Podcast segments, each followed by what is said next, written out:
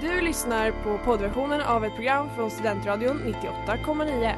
Alla våra program hittar du på studentradion.com eller där poddar finns. Av upphovsrättsliga skäl är musiken förkortad.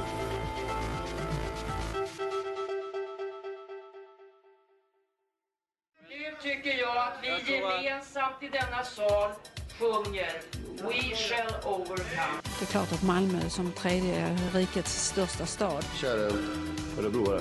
I'm the mayor here in Solna.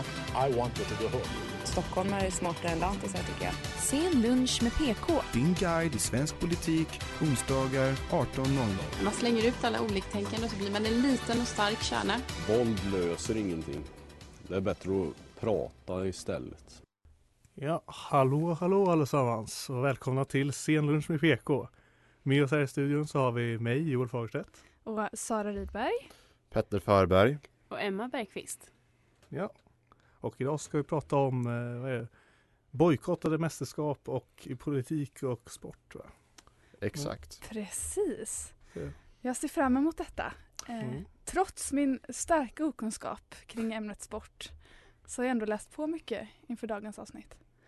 Ja det är spännande för vi kommer ju även att, eh, jag har ju också läst på lite grann och eh, vi kommer ju, jag kommer ge ut lite information som kanske kan vara bra att veta om man inte är så insatt i sportvärlden eller som kan vara kul att veta. Det är ju också högaktuellt nu med OS i Kina. Jag såg att Precis. Nils van der Poel har gett ett fint uttalande om vad hans ståndpunkt i frågan om bojkottning och grejer. Jaså?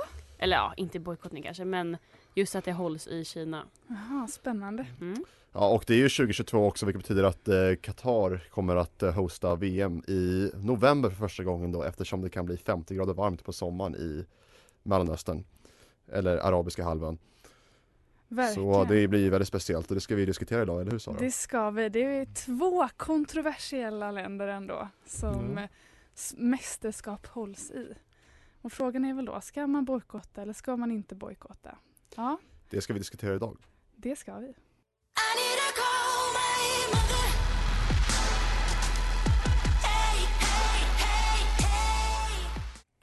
Ja, det där var Mother med High as a Kite. Du lyssnar på Studentradion 98,9. Och eh, ja, nu ska vi prata om eh, Qatar och eh, Kina. Ja, det ska vi. För just nu så pågår ju vinter-OS i Kina och det har ju ändå gått bra för Sverige, tycker jag, som inte kan så mycket om sport, men man hör bara medaljer och jag känner glädje. Ehm, men faktumet att OS äger rum i Peking, Kinas huvudstad, är inte något som sätts med blida ögon. Eh, ett gäng länder har valt att eh, bojkotta OS-evenemanget politiskt eh, på grund av de eh, kränkningar mot mänskliga rättigheter som sker i landet. Folkmord, förföljelser av folkgrupper och inskränkningar av demokratin i Hongkong. Med USA i ledningen har bland annat Belgien, Storbritannien, Kanada, Japan, Australien samt Danmark valt att politiskt bojkotta vinter-OS i Kina. Annat omtalat mästerskap är ju fotbolls-VM i Qatar som kritiseras på grund av landets brister kring mänskliga rättigheter. En majoritet av det svenska folket, ungefär 60 procent, är för att det svenska fotbollslandslaget bör bojkotta världsmästerskapet, visar en undersökning från Novus. I Qatar saknas mänskliga rättigheter, homosexualitet är förbjudet och dessutom straffbart. Magdalena Eriksson, fotbollsspelare i svenska landslaget, vill inte åka till Qatar eftersom hon själv är gay. I en intervju så uttrycker hon sin besvikelse över att de svenska herrlandslagsspelarna inte tagit tydligare ställning i frågan. Hon föreslår att man kanske skulle kunna låta fans rösta om vart VM ska spelas i framtiden. Håkan Sjöstrand, som är generalsekreterare i Svenska fotbollsförbundet, är av en annan mening och tror istället att det är bättre att engagera sig och föra dialog än att bojkotta. Även, även Belgiens förbundskapten Roberto Martinez tycker likt Håkan att bojkottning är fel väg att gå. Martinez eh, anser istället att VM blir ett gyllene tillfälle att belysa de saker som inte står rätt till i Qatar. Han säger till CNN Bus- budskapet är väldigt tydligt. Vänd inte ryggen. Att bojkotta är den enkla vägen. Vad vi behöver göra är att alla delta i att göra eh, detta till ett lyckat VM och därifrån kan vi se att förändringar sker. Enligt The Guardian så har över 6 500 gästarbetare dött i Qatar under förberedelserna eh, till VM i landet. Och under de eh, inledande eh, val- VM-kvalmatcherna har därför både Norge och Tyskland valt att manifestera sin kritik mot mästerskapet samt antytt att en bojkott av turneringen kan bli aktuell. Det blir på tapeten huruvida, huruvida sport bara är sport, eh, om idrott blandas ihop med politik i och med den bojkottning som sker. Går det att skilja på sport och politik? Vad känner ni spontant? Jag tycker ändå att det där, eh, bara för att eh, kommentera någonting du sa tidigare, att eh, svenska landslaget inte bojkottar. Ja. Det har de ju redan gjort faktiskt, för de, de förlorade ju faktiskt mot Georgien och Grekland i VM-kvalet och nu har vi alltså gått till playoff. Så, så redan där så, så, så har de ju liksom redan insett att okej, nu ska vi förlora mot de här dåliga fotbollslandslagen så att vi missar VMet. Ja, så de har ju redan börjat, ja, de har ju redan börjat bojkotta. Mm. De tänkte att de gör det så så kan de få liksom få det att vara mindre känslig fråga. Ja, precis. Vi var bara så Det dåliga. var så här, de bojkottade i smyg de. Ja. Mm. Ja, det är fint spelat, men jag tänker att vi diskuterar frågan lite vidare efter eh, lite musik. Så gör vi. Lighting up a cigarette as I watch you walk away. Ja, det var Favorite med Artemas. Och du lyssnar på Studentradion 98,9. Ja, så då ska vi fortsätta snacka lite om det jag pratade om innan, alltså att världsmästerskap hålls i lite kontroversiella länder och att länder har valt att bojkotta på grund av de förhållanden som råder för människorna som bor där. Vad, vad tänker ni då? Går det att skilja på, på sport och politik? Alltså som det ser ut just nu tycker inte jag att det går riktigt att skilja på sport och politik. De eh, är speciellt inte på den eh, höga nivån liksom. I eh, idrotten som sker runt omkring oss i typ Uppsala bland barn, då är det såklart att det går att skilja. Men när det kommer till sådana, det handlar om så mycket, eller sån stora summa pengar att det inte går att skilja. Det blir Mm. också i många fall ett verktyg för typ eh, olika nationer eller olika liksom, stora aktörer att få ut ett budskap. Ja. Alltså jag tycker det, jag håller med lite Emma liksom, det, det beror lite på vilket sammanhang också men jag tycker till exempel att man kan heja på ett fotbollslandslag utan att stötta regeringen i det Ja. landet liksom. Det är ju, Mm. så på så sätt tycker jag man kan skilja sport och politik men just när det kommer till Qatar-VM eh, då tror jag ju att, att anledningen till att de fick VM var väl förmodligen för att de hade så mycket pengar liksom och gett till Fifa. Ja, Eh, precis, Så, det var ju så på så sätt så, är, så i det här fallet så går, tycker inte jag det går att skilja. Nej, det var ju Ja. en superstor liksom, skandal runt hela processen om varför de fick det också. Mm. Mm. Som inte var helt kanske demokratisk. Mm. Frågan är väl kanske ifall alltså, går det att skilja någonting i samhället från politik? Alltså, Mm. Det är väl politik är men- ju egentligen Ja men jag tror, jag tror, allt som har jag tror Qatar samhället ska vara. Ja. Jag tror att Qatar har, alltså delvis anledningen till att de vill hosta VM är ju, är ju för att de vill ändå få liksom sitt land på kartan om man säger så. Mm. För jag menar, jag tror att hade, hade de inte till exempel upp, upptäckt oljan där eh, för, vad är det, 50 år sedan om jag inte helt ute och cyklar, då hade få förmodligen hört talas om det landet. Verkligen. Eh, för då hade de inte haft råd att ha VM exempelvis eller i fotboll eller handbolls-VM som de hade också. Mm. Men jag håller verkligen med Joel att Mm. det alltså går det verkligen att skilja politik från något egentligen. Men eh, nästa fråga, hur eh, tror ni bojkottning hjälper? Nej, alltså jag tror eh, Alltså grejen är så här att bojkotta Qatar nu i VM, det kommer ju, det kommer ju Jag tror fortfarande att deras regim kommer fortsätta med deras bristande mänskliga rättigheter ändå Om man Mm. säger så Jag Mm. tror inte det kommer göra så stor skillnad Mm. Det, det enda Man kan ju kanske tycka att, att om man bojkottar att det känns bättre själv liksom att Mm. Att man är okej nu har vi bojkottat det här landet liksom, det, nu känns det bra Mm. Men jag tror inte det blir mer än så Nej. Jag tror också vilken typ av bojkott, om det är en politisk bojkott är bara att liksom politiska ledare eller liksom större, vad ska man säga, namn från nationer vägrar att åka dit. Det kanske gör någon typ av, eller om inte det förenas med kanske idrottslig bojkottning då kanske det inte får samma effekt. Mm. Frågan är också liksom vilken effekt förväntar man sig att det ska ha? Det kan ju Ja. liksom, Mm. även ifall det inte stoppar liksom det man, det man eh, är emot helt liksom så kan det ju handla mer om att man ska sända ett budskap eller liksom visa att eh, man märker att det här liksom förekommer, att man inte liksom uppmärksamma att eh, man inte ignorerar det. Mm. Liksom. Verkligen. Kloka ord. Mm.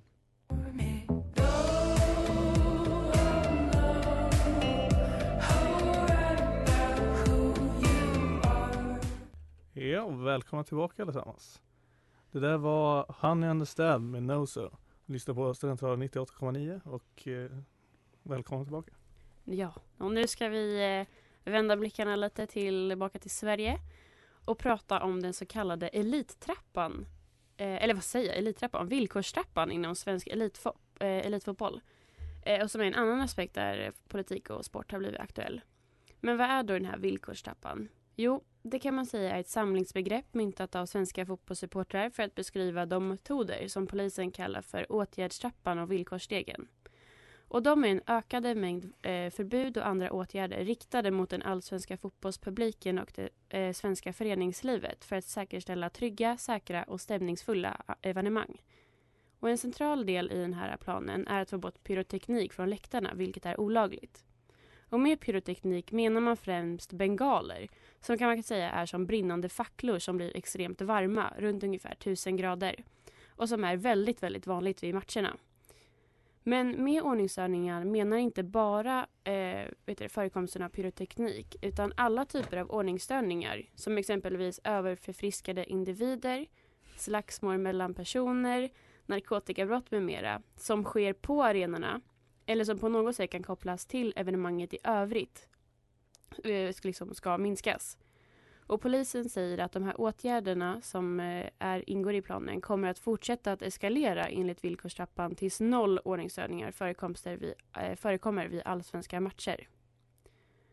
Och för att få eh, arrangera en fotbollsmatch måste nämligen en arrangör i form av en fysisk person som ofta är klubbens eh, säkerhetschef söka tillstånd för arrangemanget hos polismyndigheterna. Och när sedan polisen beslutar om tillstånd för arrangemanget kan det ålägga arrangören en rad villkor i beslutet.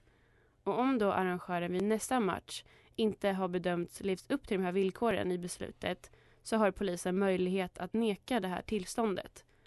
Och därmed finns möjligheten att klubb, eh, klubbarna kommer behöva spela matcherna utan publik.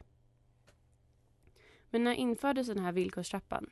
Jo, det var under 2019 som polisen började använda sig av denna nollvision om ordningsstörningar.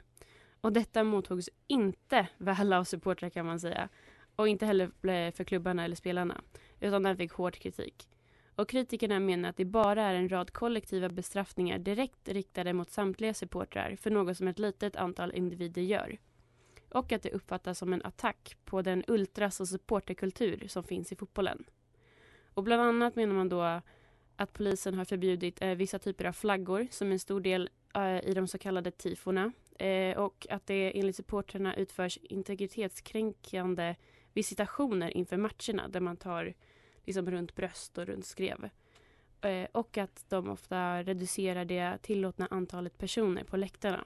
Och exempelvis har där AIK ståplats Några Stå reducerats från 5500 personer till 3500 personer. Och alltså kort sagt skulle man kunna säga så här kvaliteten på fotbollen i herrallsvenskan är ju egentligen inte så mycket att ha om man jämför, eh, om man jämför med andra ligor i Europa. Utan det är den livliga supporterkulturen som verkligen gör det. Och om då polisen skulle döda den skulle det inte riktigt finnas någon kvar att ha i den svenska herrfotbollen. Men mer och efter pausen.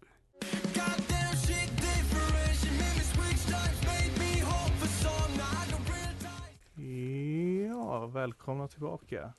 Det var Different med Casper the Ghost. Vi lyssnar på Studentradion 98,9. Ja, och tillbaka till villkorstrappan. Och minst sagt kan man i alla fall säga att fotbollssverige verkligen har enats mot en gemensam fiende i den här frågan. Och frågan drivs hårt. Och bland annat eh, mycket genom opinionsbildning, genom att då sprida budskapet. Men även genom eh, riksdagsmotioner och vad man eh, skulle kunna kalla typ bengalprotester. När de står och bara kör massa bengaler i protest. Eh, och även i min åsikt kanske lite barnsliga ramsan där supportrar från olika lag växelvis skriker Sorry här för language men snutjäv... Nej, eh, jo, snutläv... Sn men gud, nu kan jag inte prata. Snutjävlar, fotbollsmördare. Bara i flera minuter. Och det har även blivit en så pass stor fråga att eh, vissa partiledare har tagit ställning i frågan. Nooshi Dadgostar står på fotbollens sida och anser att det är en samhällsfråga att vi har en levande supporterkultur och att det kommer folk till matcherna. Och även Jimmy Åkesson har visat att han inte står bakom polisens strategi. Och vad känner ni om det här med att partiledarna tar ställning i frågan? Är det nödvändigt och bra eller är det kanske mer ett sätt att vinna röster i nästa val? Ja, alltså, jag kan ju säga att jag känner att eh, det låter väldigt mycket som en, eh, en eh, liksom, väljar... Ja, Ett enkelt sätt att få lite Ja. extra röster. Ja. Ja men det tror jag också lite grann um, Alltså jag kan ju själv, jag är inte så påläst om villkorstrappan men jag kan tycka, samtidigt förstå att polisen till exempel vill minska antalet bengaler på fotbollsmatcher och sånt där eller bara huliganer generellt liksom som Mm. förstör Ja. man Lite grann, men jag är som sagt inte tillräckligt påläst för att kunna kommentera villkorstrappan i detalj om man säger så Mm. Men den här äh, konflikten då mellan support, eller fotbollsvärld kanske och polisen, ser vi någon lösning på det? Ja, det verkar som att det kommer fortsätta som det har gjort de senaste åren. Och den svenska fotbollssupporterunionen SFSU tror att vägen fram är fortsatt hårt, hård men konstruktivt eh, motstånd genom opinionsbildning och genom kontakt med politiker i riksdagen. Och polisen lär inte ändra sig utan ändringen eh, kommer nog behöva komma genom exempelvis politiken. Och eh, jag är lite tveksam i vad jag står i den här frågan. Om jag är, för, om jag är mer för liksom, fotbollens eh, ståndpunkt eller mer liksom, för polisens åtgärder. Vad känner ni? Har ni någon direkt tanke om? Jag tycker go polisen! Ja men jag kan ändå hålla med lite där också Jag tror det är väl, alltså det känns ju som att man har hört med så här fotbollshuliganer att det bara typ spårar och då känns det ändå rimligt att man vill liksom säkra upp lite eh, så att det inte blir hur vilt som helst. Ja, Sen fattar jag om, om det är så här mycket pepp och så är del av kulturen men det känns ju liksom när folk börjar slåss eller när folk liksom skadar sig på riktigt då känns det ju inte kul. nej. Men det är ju det är min åsikt. Mm. Ja, och det är ju, jag kan hålla med i det. Alltså här att det, jag kan uppleva att det kanske, kanske är som en typ fristad på läktarna där eh, supportrar känner att de kan få göra lite vad som bara för att de hejar på ett lag. Och sen så att Mm. det stannar där och att det inte borde ge några repressioner även fast det är olagligt det de håller på med. Mm. Men samtidigt är det ju också som de supporterna själva vill säga, det blir ju kollektivt, alltså bestraffning. Det är inte, alla drabbas ju av åtgärderna men det är ju verkligen inte alla som gör det, det är verkligen en liten del. Mm. Så att, ja. Sen är det ju tanke så här, med tanke på motståndet liksom, hur effektiva blir åtgärderna i att, Ja. liksom, i det de ska åstadkomma? Ja, Eller liksom, gör det, får gör liksom. Gör det skillnad liksom? jag, jag Ja. kommer inte ihåg, ja. Rile, rile up, alltså ja, ja. att eh, liksom, vrida upp, eh, vrider upp ja, eh, Ah. stämningen eller vad man ska säga, ja, konflikten. konflikten. Ja, det är också, de pekar ju mycket på supporterna att det inte finns stöd i forskningen för att sådana här åtgärder har hjälpt ute om Mm. man tittar på typ supportrar ute i Europa. Jaha. Men det är också supportrarna själva, de är ju lite vinklade liksom så att Mm. man kanske ska ta det lite lugnt. Ja, det är Men- svårt att veta. Mm. Ja och det är så här, jag själv som fotbollssupporter, jag kan uppleva att det är en stor fråga men när man, om man kliver ifrån fotbollsvärlden så kanske det inte alls är en stor fråga. Det kanske inte alls är egentligen en fråga som behövs ta på jättehög politisk nivå. Mm. Jag vet inte. Alltså jag som är helt bortvänd från sport känner inte att det är något som... Eller jag har ändå hört talas om det och tänkt ah, bra grej. Och sen Mm. så har jag gått vidare med mitt liv. För det har inte berört mig så mycket. Men Ja. jag fattar ju verkligen att det kan bli en stor grej. Det kan ju bli en väldigt stor skillnad för fotbollsgemenskapen. Ja. Ja. Mm. Mm.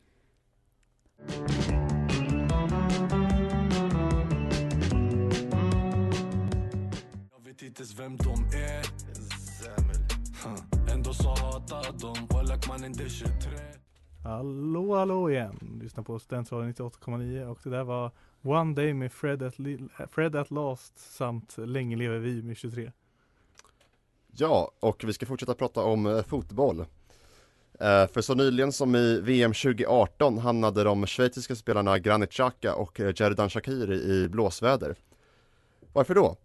Jo, därför de gjorde en särskild målgest där de, där de respektive gjorde varsitt mål mot Serbien.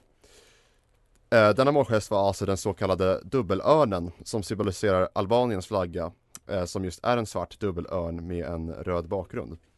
Eh, Jaka och Shakiri har ju själva kosovoalbanskt ursprung och dessa målgester var alltså de som sa att Kosovo är albanskt och tillhör inte Serbien. De var ju tvungna att böta ganska mycket för det här om jag minns rätt. Men detta är inte första gången då fotbollsspelare tar politisk ställning.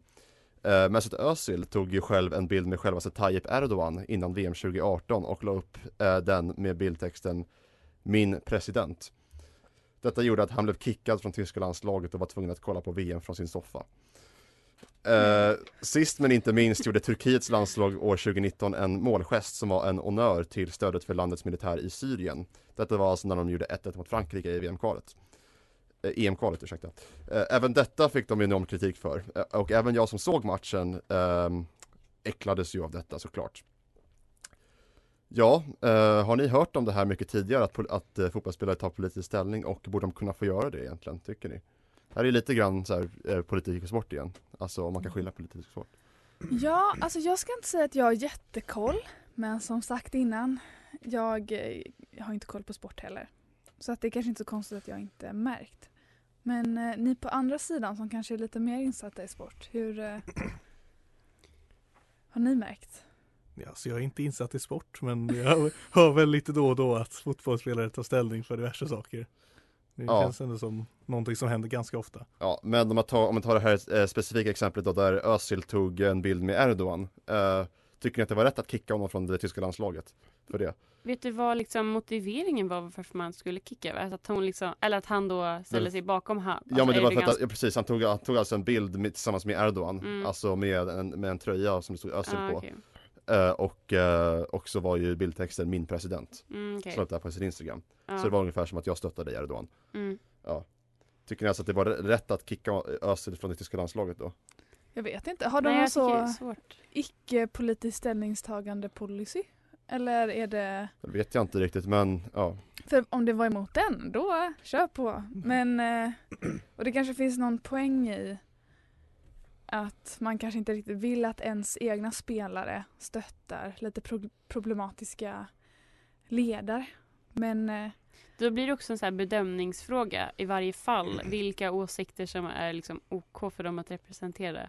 Jag säger Ja. inte att jag stöttar att han ställer sig bakom Erdogan men Eh, typ jag, gill, alltså jag tycker att det är bra att fotbollsspelare som har jättestora plattformar och når väldigt många som kanske inte annars nås av liksom, debatter om liksom, viktiga frågor. Att de, då fotbollsspelarna tar ansvar och lyfter dem.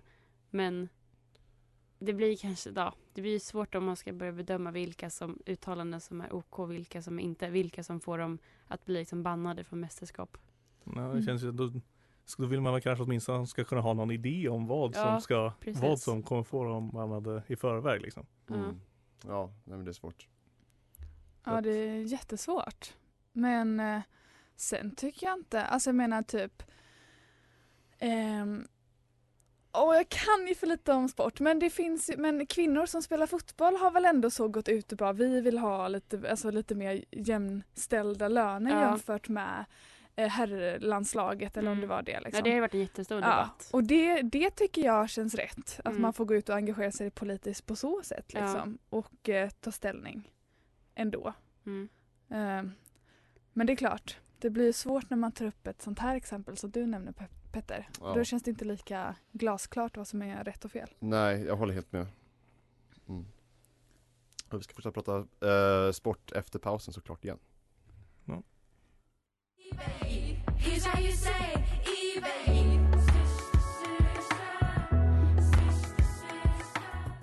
det där var Sister to Sister med eBay. Du lyssnar på Studentradion 98,9. Ja, och eh, under ishockey-VM förra året och även nu under vinter-OS har ni förmodligen märkt att nästan alla atleter tävlar under en viss flagga, eller viss nation. Jag säger nästan alla därför att eh, det finns några atleter som tävlar under nationen ROC och och eh, som inte har en flagga. Eh, men ROC är ju faktiskt inte bara ett påhittat namn eller nation som ingen har hört talas om utan ROC står ju nämligen för Russian Olympic Committee. Atleter som tävlar under ROC är alltså ryska atleter som i vanliga fall hade tävlat med namnet Ryssland och med Rysslands flagga. Då kan man fråga sig varför de inte tävlar under namnet Ryssland. Jo, men det har ju med dop dopning att göra. Eh, The World Anti-Doping Agency, eller WADA för kort, ansåg att Rysslands antidopingmyndighet helt enkelt varit för passiva angående kontrollen av sina atleter och säkerställningen av att de inte dopar. Det kom inte eh, heller, tillräckligt med många negativa dopningstest in till WADA, ansåg samma myndighet. Dessa brister på leveranser och kontroll av atleterna ansåg WADA var så svåra att de bestämde sig för att officiellt bandlysa Ryssland från att delta i mästerskap i fyra år från och med 9 december 2019. Detta betydde att Ryssland inte skulle få delta i sommar-OS 2020, vinter-OS 2022 eller Qatar 2022 om de kvalificerar sig dit. EM 2020 berördes dock, dock inte. Atleterna, eh, när det här beslutet kom då 2019 så fick atleterna dock möjlighet att delta i tävlingar under neutral flagg med namnet ROC och texten Olympian from Russia på sina tröjor eller Athlete from Russia. Eh, inget mer alltså. Inte heller får den ryska nationalsången sjungas eh, inför fotbollsmatcher eller vid annat syften på ehm, eh, i OS då. Eh, ja, eh, vad tycker ni om detta beslut egentligen med att bannlysa Ryssland från eh, OS och eller från mästerskap generellt? Var ni själva förvånade när ni såg att det fanns ett land som hette ROC? Ja, jag, jag kollade på sprinten idag. Var det det Emma? Ja, det var ja, sprinten. det var sprinten. Ja. Och så lutade jag mig fram och sa Men vad är det där för land? så fick, och så fick, fick Emma förklara för mig att det är Ryssland fast det är inte riktigt Ryssland. Jag tycker det är så spännande. Det känns ändå skönt att de kan sätta ner foten men sen vet jag inte om det gör eh, jättestor skillnad. Fast det känns som att det är verkligen så ärekränkning mot Ryssland. Att tänk alltså, om de vinner och så får de inte höra sin nationalsång. Alltså, det tror jag ändå svider i många eh, mångas hjärtan. Ja precis, de kommer ju inte, de kommer inte heller kunna säga att Ryssland vann VM utan de, eller Ryssland vann några medaljer i OS utan det kommer vara ROC, deras kommitté gjorde det. Inget, Ja. Alltså precis. Det är väl så. Men jag tycker att det är viktigt att man markerar tydligt och hårt mot sånt här typ av beteende. För det är ju, det är ju verkligen inte små grejer som har lett fram till det här beslutet. Man har ju gjort en ordentlig granskning och sett att det är sådana pass stora brister. Eh, så att jag tycker att det är bra. Och jag har svårt att titta på eh, framgångsrika ryska atleter och inte få en misstanke om att det är doping inblandat.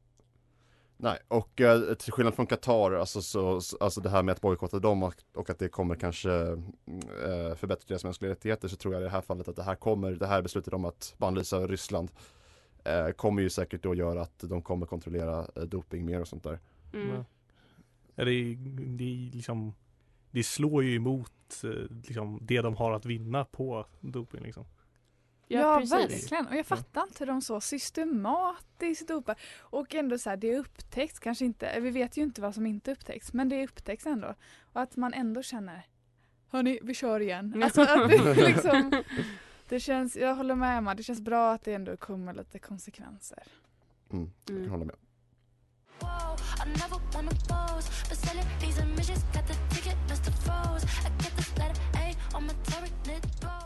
Ja, välkomna tillbaka en sista gång. Det var Changes med Audrey Nuna. Lyssna på Studentradion 98,9. Ja, då har vi närmare oss slutet här på dagens avsnitt. Vi gör det, vi gör det. Mm. Oj, oj, oj. Det var en väldigt kul diskussion idag tycker jag. Allt från Erdogan och Özil och eh, ROC Ryssland och eh, villkorstrappan och eh, Qatar och Kina och sånt där. Så Ja. vi har kunnat prata om mycket idag tycker jag. Verkligen, jag tycker jag har lärt mig massor. Ja. Jag, som inte kan Mm. så mycket om sport.